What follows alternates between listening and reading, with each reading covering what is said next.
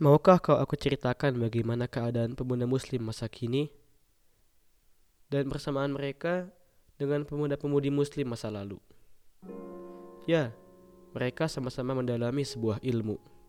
Bedanya dulu, mereka mendalami ilmu kedokteran, matematika, astronomi, fisika, serta kimia. Sedang kini, mereka mendalami ilmu-ilmu cinta, perjodohan, serta cara-cara memikat hati para wanita dan pria.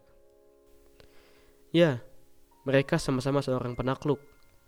Bedanya dulu, mereka menaklukkan kota-kota besar dengan jiwa kesatria di jalan jihad dan membangun kota tersebut menjadi peradaban emas yang gemilang.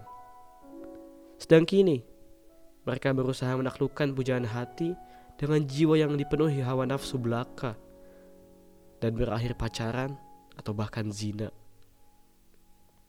Ya, mereka sama-sama menghafal dan belajar.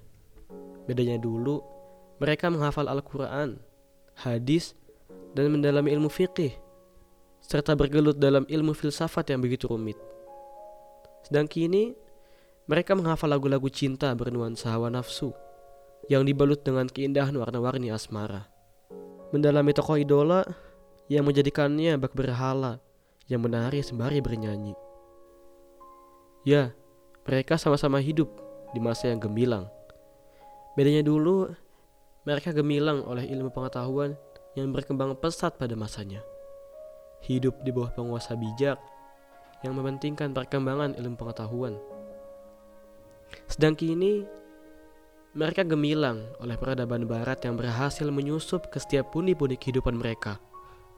Menyihir mereka dengan kenikmatan dunia yang tak mereka sadari bahwa kenikmatan itu sedang menuntunnya ke tepi jurang kebinasaan.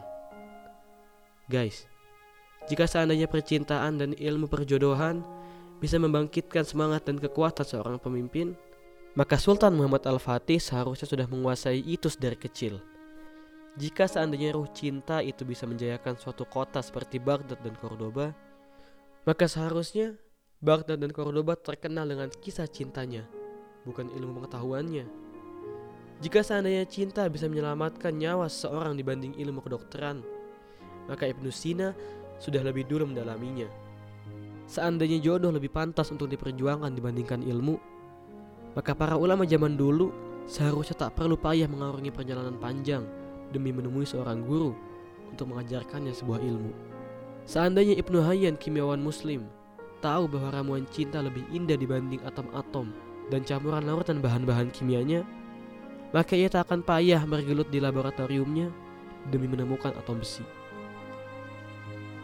Seandainya Abbas bin Firnas tahu bahwa cinta patut diperjuangkan, maka ia tak akan berpikir bagaimana manusia bisa terbang untuk mencapai suatu tempat. Melainkan ia akan berpikir bagaimana ia bisa terbang ke hati pujaannya. Guys, hidup tidak harus melulu masalah hati. Ilmu, dalamilah ilmu pengetahuan, itu yang membuat seseorang diangkat derajatnya.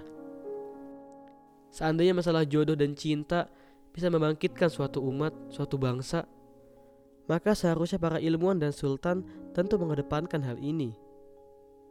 Tapi tahukah kamu, ini adalah salah satu cara Amerika, Barat, dan musuh-musuh Islam untuk menghancurkan peradaban Islam.